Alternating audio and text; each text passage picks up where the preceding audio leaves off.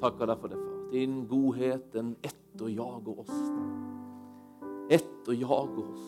Du etterjager oss, Herre, med din godhet, Herre. Takk at det er det du vil, far. Du vil, eh, du vil gi, Herre, oss. Du vil eh, fylle oss. Du vil møte oss. Takk at du vil eh, frihet for oss. Du vil legedom for oss. Du vil sette oss i stand. Du vil gjøre oss hele. Far, vi bare takker deg, Herre. For det er det du er ute etter, Herre. Og bare hjelp oss, far, til å være sånne som, som er åpne for det, Herre. Som har rom og plass for det, Herre, i våre liv, Herre. Far, vi vil være sånne som i sang, Herre, som, som gir du alt. Som gjennom å gi av oss til du gir du rom til å gi av du, Herre, inn i våre liv, Herre. Vi bare pris og ære og lov takk. For din godhet. Bare kom nå her resten av møtet, far, og bare betjen. Tal til oss. Vis oss. Far, vår innstilling er her at du skal få, få gjøre noe i våre liv denne dagen, Herre. Noe som blir til vekst. Vi priser og ære og lov deg for det. I Jesu navn. Amen. Amen. Herlig lovsang. Ja, vi gir det en klapp. Veldig bra, veldig bra, veldig bra. Så har jeg lyst til å ha igjen tale. Det er godt, det er godt, det er godt. Det er jo sånn at um, Geir er jo litt på sporet av noe om dagen, sånn her, merker jeg.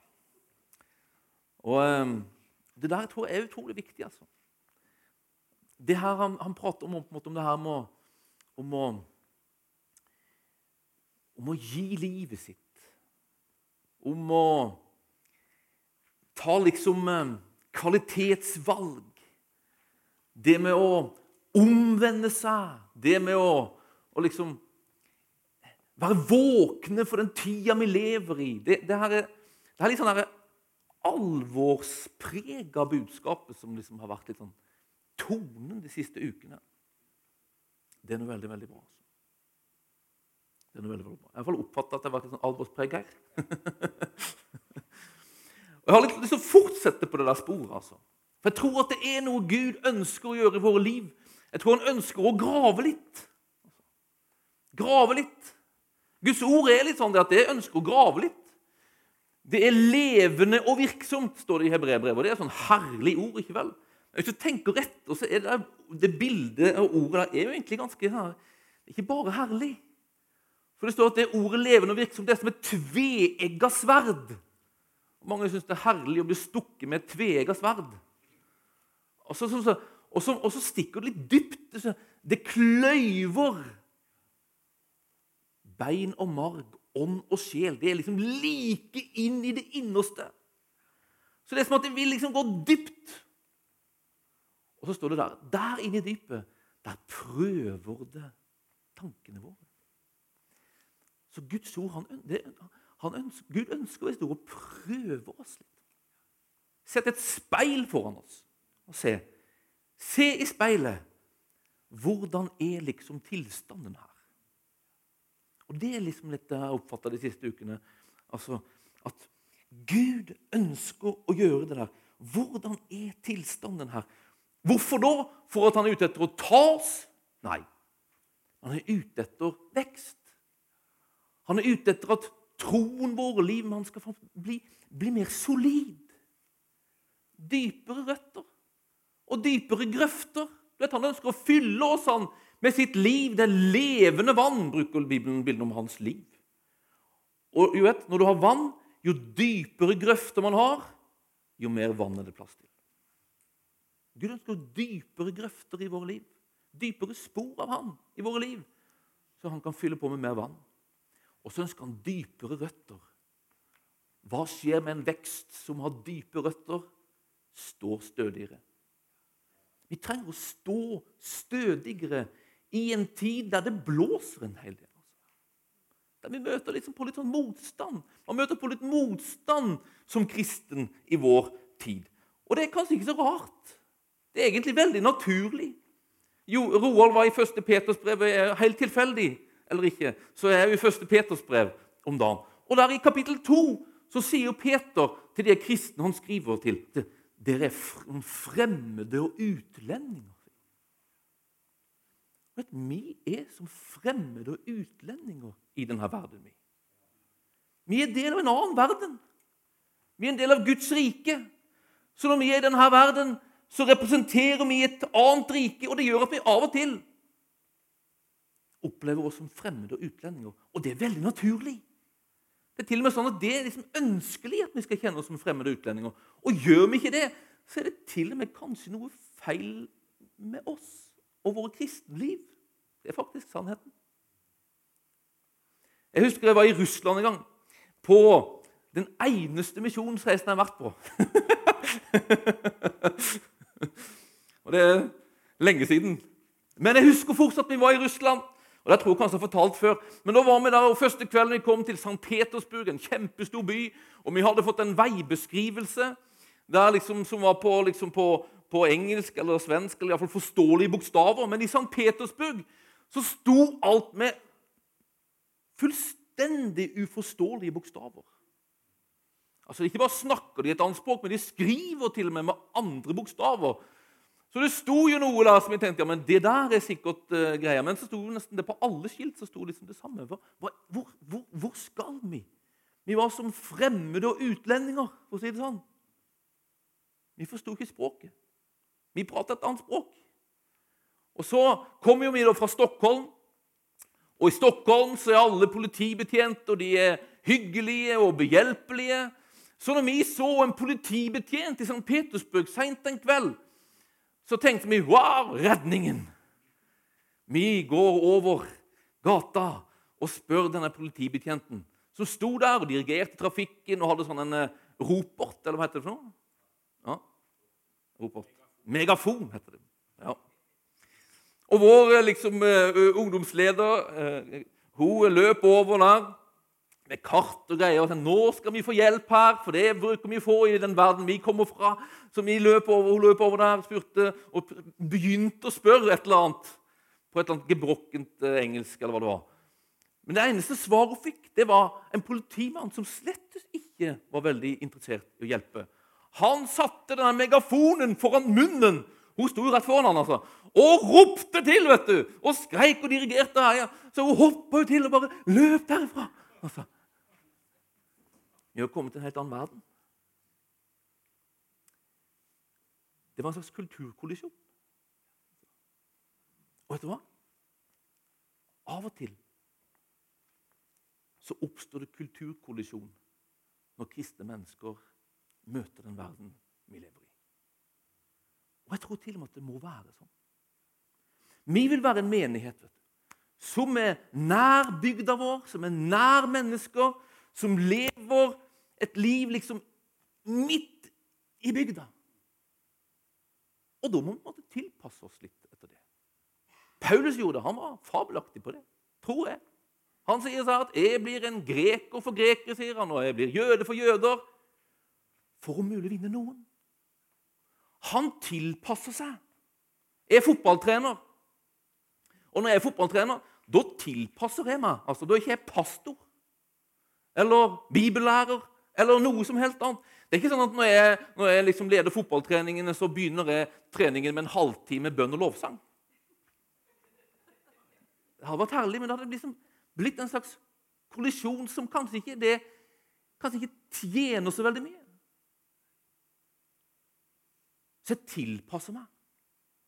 Jeg tilpasser meg. Men samtidig som jeg tilpasser meg og spiller på en måte på lag med det som gjelder i den verden jeg er satt til å leve i. Samtidig så kommer det, og det er bevisst på, det kommer kollisjoner her. Og da vil jeg være bevisst på hvem jeg tilhører, og hvem jeg følger.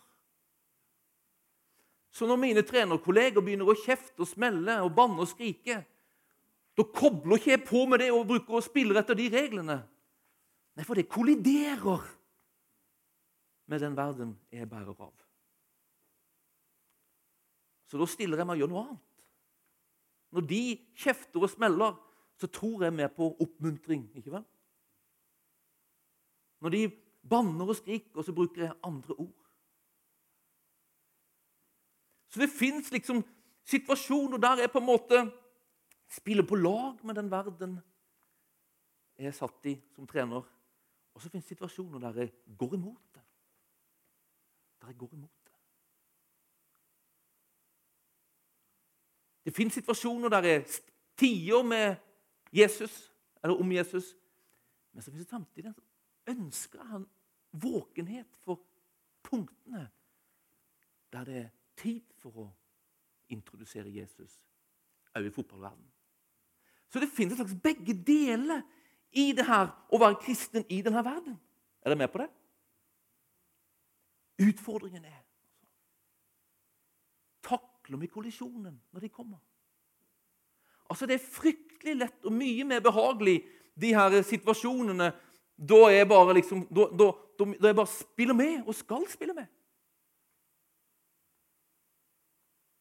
Men det er mye mer ubehagelig de tidspunktene da jeg merker nå må jeg trå ut av den verden og representere en annen verden. Nå må jeg lyde Gud mer enn mennesker. Fordi tidene kommer, de plassene kommer. Og da er spørsmålet er vi klare for det. Har vi det som på en måte kreves? Har vi det som kreves for å gå imot strømmen og ikke bare flyte med? Har vi det? Jeg leste en bok her om dagen som handler om noe helt annet. Men i den så står det at det fins noe som heter Den heter loven om heter Bevegelsesloven. Har du hørt om den? Det har Geir hørt om. Veldig bra. Og Den sier så her Jo mer motstand du møter, jo mer energi kreves for å holde på en måte farten oppe mot motstanden. Det er ganske logisk. Jo fortere du vil sykle, jo mer kraft kreves for å holde oppe farten. Og vet du hva? Jo mer motstand vi møter som troende, jo mer kraft kreves for å bemøte den, stå fast i den og til og med gå mot den. Vi trenger en indre motstandskraft, helt enkelt. Husker Gunnar Bergling det var min pastor og Sandras pastor i Sverige. Og I, i, i menigheten i Sverige var det veldig mange sånne følsomme bønnedamer. Og, og Menn bruker å være følsomme, men kvinner er ofte litt mer følsomme. Det var sånn det Og de kjente på masse ting hele tida. Altså, og de kjente på det og de kjente på det, og de kunne kjenne ofte så kjente de seg i møtene Ja, i dag er det så mye motstand i møtet, sa de. Så, og da var det liksom oh, og motstand for det, og, og, tøft og vanskelig. og de kunne prate sånn. Da kom Gunnar og sa alt til Gunnar. Han sa det.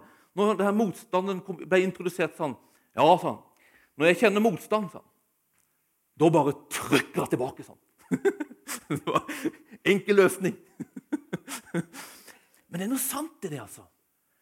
Har vi motstandskraft på innsida, så kan vi trykke tilbake. Vi trenger indre motstandskraft for å stå fast som enkeltkristne og som menighet i denne verden vi lever i. Jeg har undervist i Hebreerbrevet nå i høst, og det, det, det handler egentlig mye om det der. Det handler om en gruppe kristne som helt enkelt har kommet på glid bort ifra Jesus fordi de har møtt på motstand. De har møtt på omstendigheter og omgivelser som vil noe annet. De har møtt på en strøm som går liksom én vei, bort fra Jesus. Og så har de havna på glid. Det er mer bekvemt å gli med strømmen enn å stå fast. For de var det mer bekvemt å gå bort fra troen på Jesus enn å stå i den. Og det er fryktelig fort at det òg blir det for oss. Det er mer bekvemt for meg å bare dilte med fotballmiljøet enn å stå opp for Jesus når jeg skal det.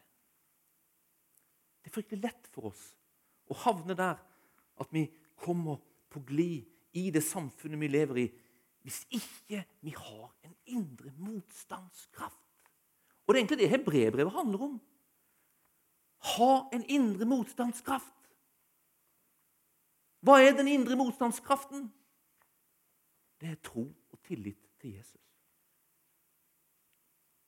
Det er tro og tillit til Jesus. Han må bli stor. Han må bli virkelig for oss. Han må, må bli en sånn realitet for oss. I det fins den indre motstandskraft. Begynner vi på en måte å, å bli litt sånn slakke, slappe, likegyldige, kalles de i hebreerbrevet. Han sier det rett ut. Dere er blitt sløve, sier han. Hvis det kommer inn, så er det fryktelig vanskelig å ha en indre motstandskraft. Så hebreerbrevet, i hebreerbrevet så fins det en sånn kraftig oppmaning til å, til å stille seg der og gjøre det som skaper en indre motstandskraft. Og Det er litt det jeg liksom har litt lyst til å ta tak i i dag. Koble litt med det der hebreerbrevropet. For det fins et rop i hebreerbrevet. Hvis du går til kapittel 10 i hebreerbrevet Vers 19. Her var det mye prassel. Håper det er mye mobiltelefoner. Så har vi da, søsken, står det der, frimodighet ved Jesu blod til å gå inn i helligdommen, dit han har innviet en ny og levende vei for oss gjennom forhenget, som er hans kropp. Og siden vi har en så stor prest over Guds hus, så la oss komme fram med oppriktig hjerte og full visshet i troen, med hjertet renset for vond samvittighet og kroppen badet i rent vann. La oss holde urokkelig fast ved bekjennelsen av håpet, for Han som ga løftet, er trofast. La oss ha omtanke for hverandre, så vi oppgløder hverandre til kjærlighet og gode gjerninger. Og la oss ikke holde oss borte når menigheten vår samles, som noen har for vane. La oss heller oppmuntre hverandre, og det er så mye mer som dere ser at dagen nærmer seg. Her var det mange sånne 'la oss'. La oss. Og det her 'la oss' det er liksom en sånn kraftfulle greier. altså. På, på gresk er det en egen sånn verbform som, som, tar seg av oppmaninger. Så Når den verbformen står, så, så er det liksom sånn oppmaning. Det er liksom ikke bare sånn et lite forslag. eller noe sånt. Det er en sånn en kraftig oppmaning. Det er omtrent som noen står og sier 'Hei! Kom! La oss!' Det er det han holder på med her. Han tar litt i fordi det er viktig. Kom! La oss komme fram med oppriktig hjerte og full visshet i troen, med hjertet renset for vond samvittighet og kroppen badet i rent vann. La oss holde urokkelig fast ved bekjennelsen av håpet. La oss komme fram. La oss komme til Han, og la oss forbli hos ham. La oss det. Det er som at han sier seg Glem ikke! Husk! Kom! La oss gå til ham, og la oss holde oss hos ham.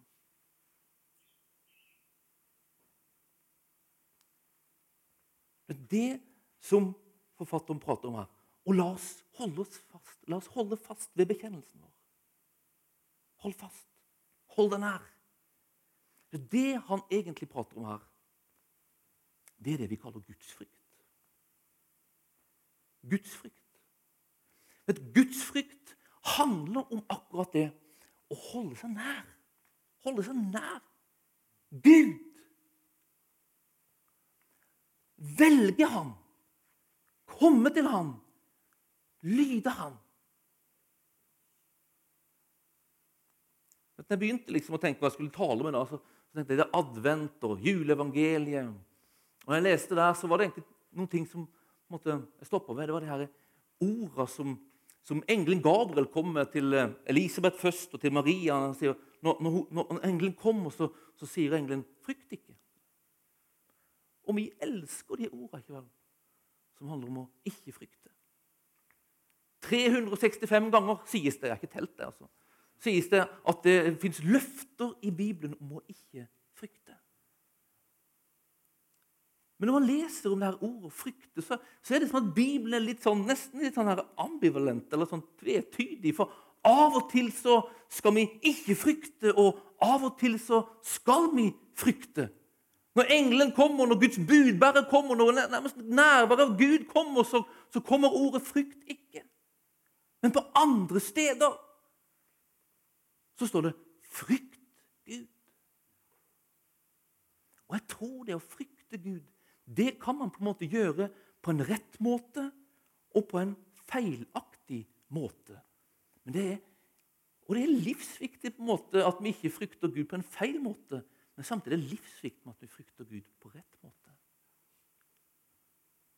Og Det er egentlig som all typer av frykt. Man kan frykte på en sunn måte og en usunn måte. Jeg har to barn, og de er på en måte redde for en del ting som jeg tenker Skjerp dere! Tenk, jeg tenker bare det av og til. Sier ikke det, altså. For eksempel så er Signe hun er livredd for Kari til Thomas. Og Det er en utfordring, for vi henger ganske mye sammen med de. Men Signe hun er livredd for Kari og vil på en måte ikke være alene hos Kari engang. Altså. Men Kari er jo verdens snilleste, Signe. Frykt ikke. Gå til Kari. Kom til Kari. Vær hos Kari. Frykt ikke. Så Det er på en måte en, det er en, sånn, en feilaktig frykt. ikke vel? Som gjør at vi tar avstand og holder avstand fra noe vi ikke trenger å holde avstand fra. ikke vel? Men så fins det en sunn frykt. Kari de bor på Hurvenes, og vi bor på Neset. Og midt imellom oss er det en stor elv. Hvis Kari skulle stille seg på stranda på Hurvenes, og jeg sto med barna på stranda på Neset, og, og hun ropte 'Kom over, Signe! Bare svøm over! Kom, kom, kom!' Da skulle ikke jeg si 'Frykt ikke, Signe. Bare gå ut i elva og, og bare liksom strømmen. Bare, bare svøm, du.' Nei, Da skulle jeg si 'Nei, Signe.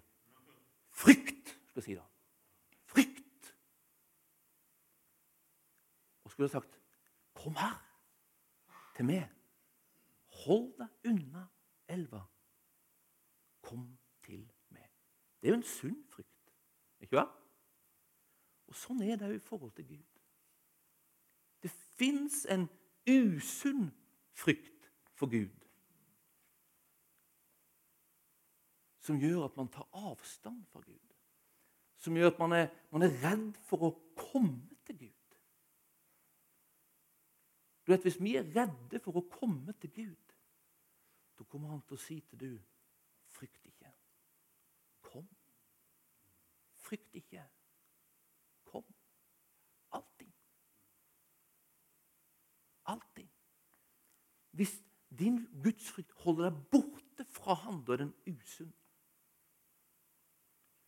Men samtidig så fins det en sunn frykt når det kommer til Gud, som er knytta til den han er, og som er knytta til konsekvensene av å komme bort fra ham. Og Jesus han, han i, i, i, Lukas 12 så er det som han på en måte, han prater om frykta, så er han inne på begge deler. Lukas 12 underviser Jesus disiplene, sier han. Til dere, mine venner, sier jeg, Vær ikke redde for dem som slår kroppen i hjel, men siden ikke kan gjøre noe. Jeg skal vise dere hvem dere skal frykte. Frykt han som kan slå i hjel og siden har makt til å kaste i helvete. Ja, jeg sier dere, det er ham dere skal frykte. Hvem er det? Det er Gud, det. Men så fortsetter han. Selges ikke fem spurver for et par skilling? og ikke en av dem er glemt hos Gud. Men til og med hvert hårstrå dere har på hodet, er talt. Vær ikke redde. Dere er mer verdt enn mange spurver, står det. Vær ikke redde. Det fins en som har talt håra på hodet deres. Hvem er det? Det er Gud. Skal vi være redde, eller skal vi ikke være redde når det kommer til Gud? Begge deler. Vi skal være redde.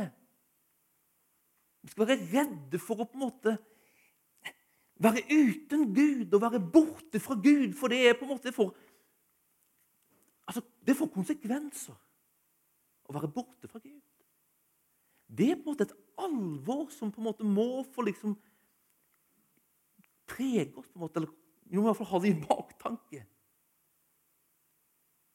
Men samtidig så skal vi ikke være redde for å komme til Gud. Det er det som at Gud er opptatt av én ting, og det er at vi er nær Han.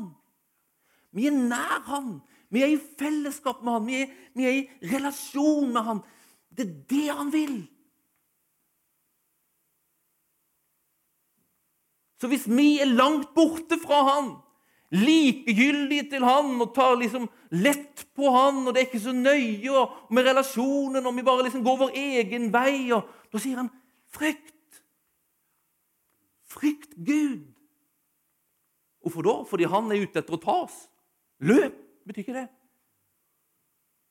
Det kom. Fordi stedet du er på, er farlig. Det å komme bort fra Gud, det å gli bort fra Gud, det er et farlig sted å være. Og det, måte, det må på en måte være en realitet for oss. Som vekker en, en, en respekt og en, en gudsfrykt som, som, som, på en måte gjør at vi kommer til ham. Som gjør at vi vender oss bort fra synder, som gjør at vi vender oss bort fra ulydighet, som gjør at vi, vi er nøye med å holde hjertet vårt mykt og ikke ta lett på utilgivelse og, og bitterhet og sånt som på en måte skader oss og skaper avstand mellom oss og Gud. Det skal vi frykte. Og en sunn gudsfrykt hjelper oss med det. Men samtidig så skal vi ikke frykte når vi velger å komme til ham.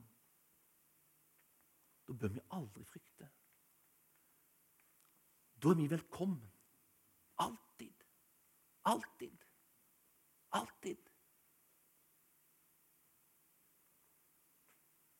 Jeg tror det er ett sted som motstandskraft bygges og det er hos Gud.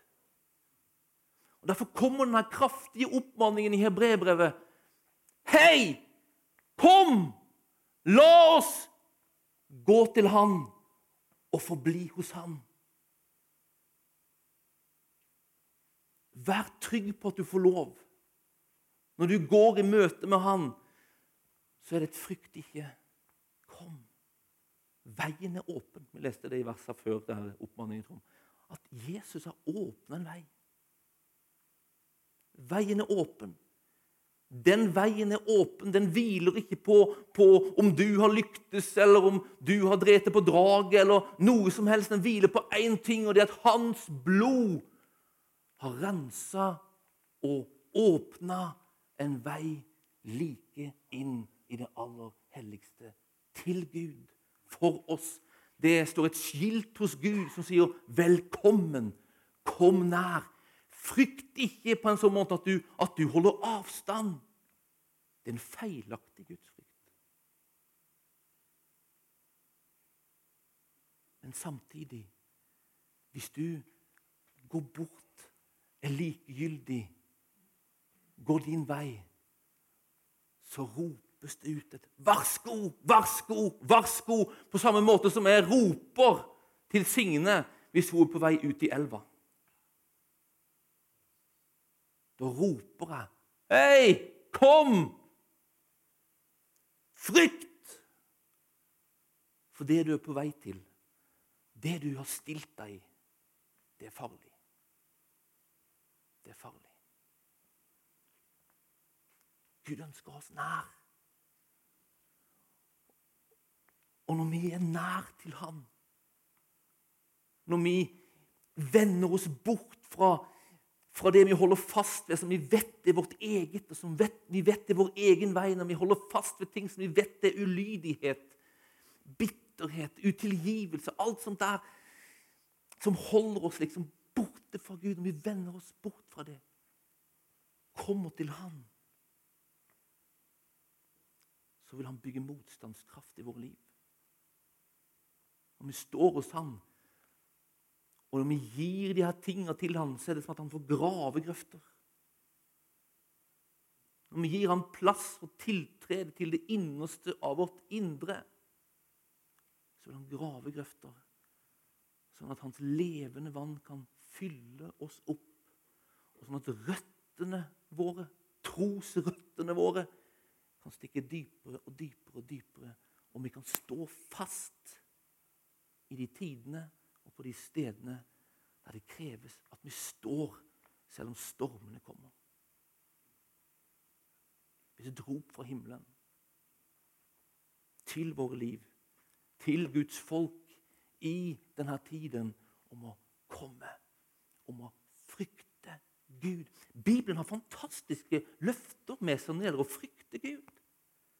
Jeg vet ikke om du har lest det, men det fins frykt, fryktelig mye løfter når det gjelder å frykte Gud. altså. Så du går til Salme 25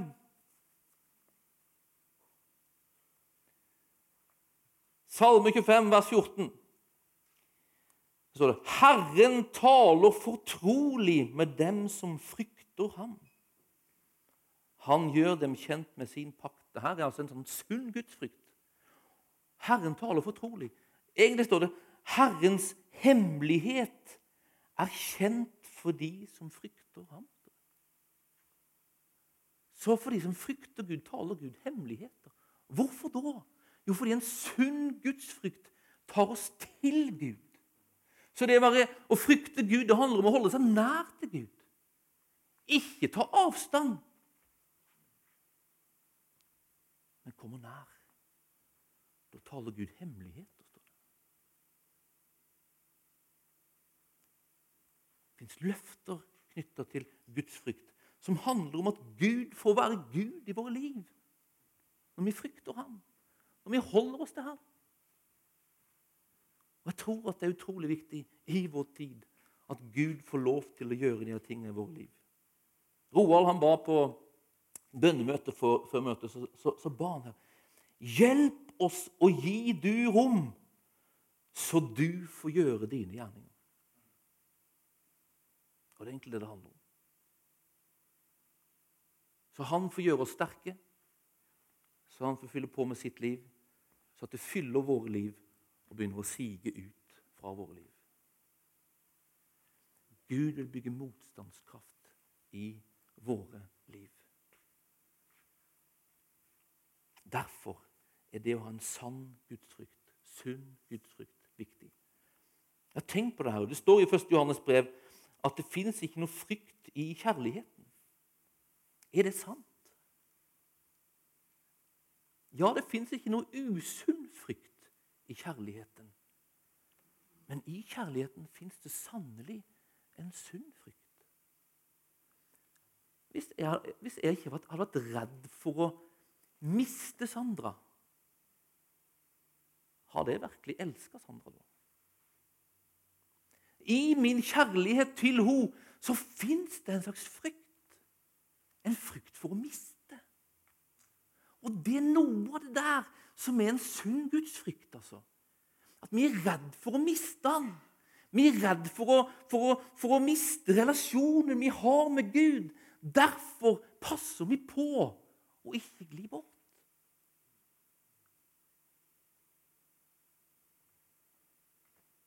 Hvis jeg hadde vært likegyldig til åssen vår relasjon var, hadde jeg elska henne da? Men det fins noe i kjærligheten som er redd for å miste, redd for å skade den eller det man elsker. Derfor frykt Gud. Frykt Gud. Hvordan får man Guds frykt?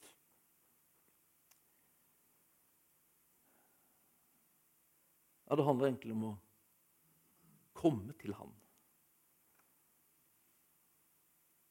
Og la Han få lov til å gjøre et verk i livet. La Han få lov til å hjelpe oss. La Han få lov til å gjøre seg sjøl synlig og stor i våre liv. Det handler på en måte om å holde seg der. Holde seg der. Hold fast ved bekjennelsen. leste jeg. Kraftig oppmaning om å holde fast ved bekjennelsen. Bestem oss for det. Så kommer han til å gjøre et verk i våre liv. Som vil hjelpe oss å frykte. Amen. Og Jeg tror det er sånn om dagene at Gud holder på å sette oss litt på valg. Helt enkelt fordi han ønsker på en måte å, å få grave litt dypere i livet vårt. Det er som at han ønsker at livet med han på en måte skal, skal få påvirke og influere dypere i livet vårt. Du vet, Det er jo bare sånn her som vi synger den sangen at 'vi vil gi deg alt'. Ikke vel? Det er fryktelig lett å synge det. Men hvis vi våger å stoppe opp og la de der orda liksom få, få liksom eh, gå opp til dypet av dypet da, i våre liv Vi vil gi det alt. Hva, hva skal vi gi da? Hva gjør vi med tida vår?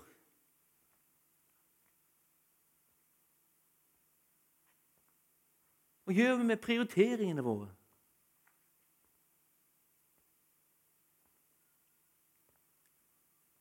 Hva gjør vi på en måte med Gir vi han liksom måten vi prater på, tenker på? La vi på en måte det gå gjennom renselsesprosessen hos han? Spør vi han på en måte hva han tenker om det? Er vi villige til å endre på sånne ting? Det er som at Gud ønsker på en måte å, å, å la det her sverdet liksom gå ned der, og at vi på en måte ønsker det velkommen.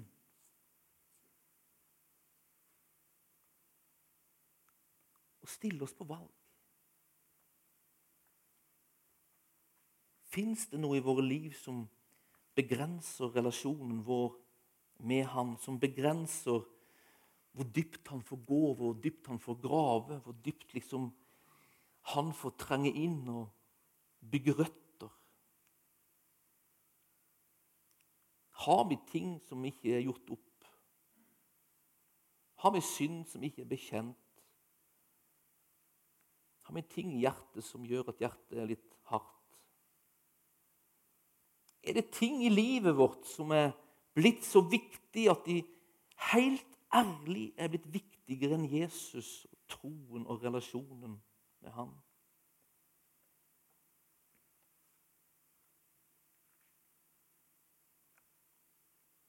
Han stiller et speil opp.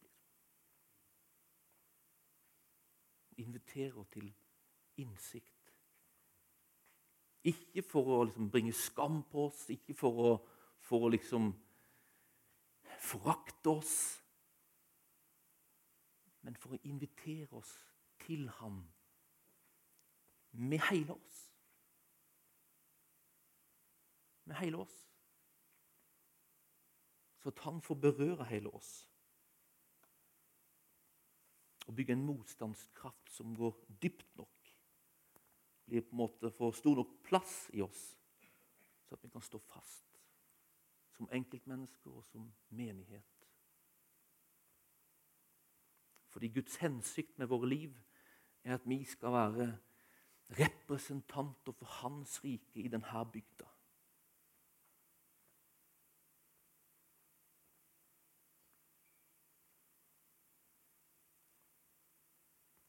Kom dere. Og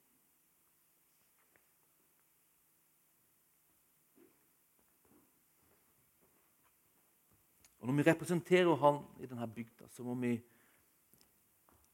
må tilpasse oss der vi skal tilpasse oss for å vinne bygda. Vi skal ikke tilpasse oss fordi vi vil være bekvemme. Her er utfordringen. altså.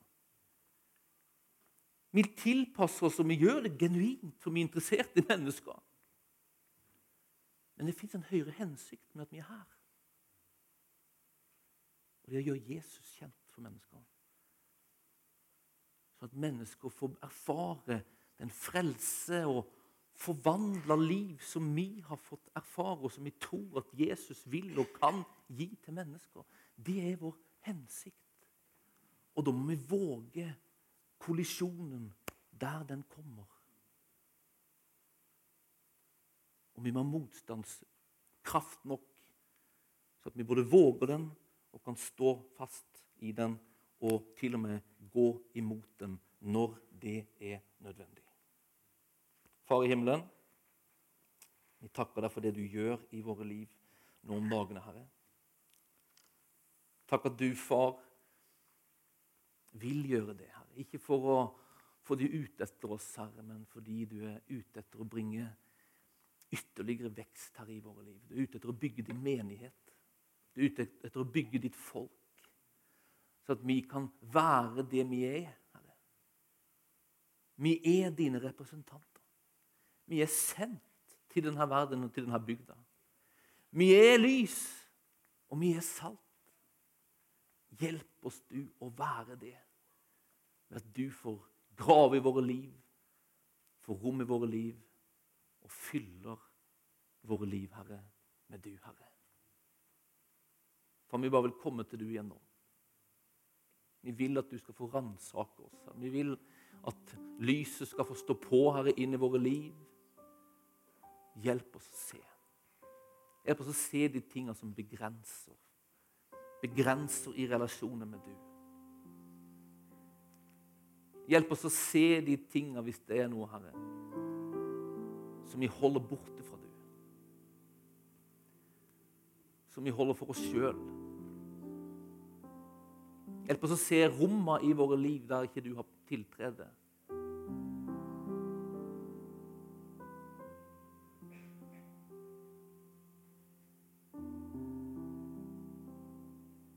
Selv om det er vanskelig, selv om det koster.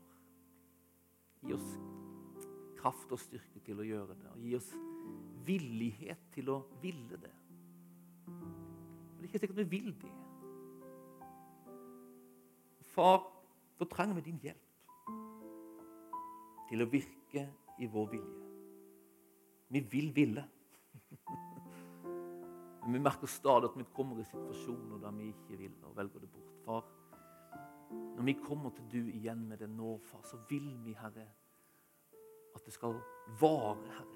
Denne villigheten skal være der òg når vi kommer hjem. og i, morgen når det er mandag og tirsdag og onsdag. Vi, vi vil legge bort ting. Vi vil prioritere om ting. Vi vil gjøre det som vi merker at du peker på. Kom denne kvelden, far. Bare hjelp oss, Herre. Hjelp oss til å se. Hjelp oss til å ta valga, og vær du bare med oss videre, far. I det, Herre. Far, min, takk for deg og priser deg. Deg ære.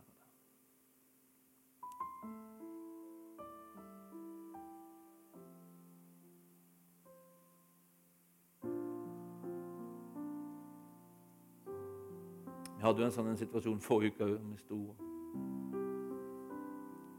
Holdt jeg på å si ransakte oss. Det er sunt å gjøre. Det er sunt å gjøre. Det er sunt å I salmene så David er det vel han, han, han ber Gud ransak meg. Prøv meg og se om det er noe der. Det er god hjertemedisin å gjøre. Beholde hjertet mykt og rent.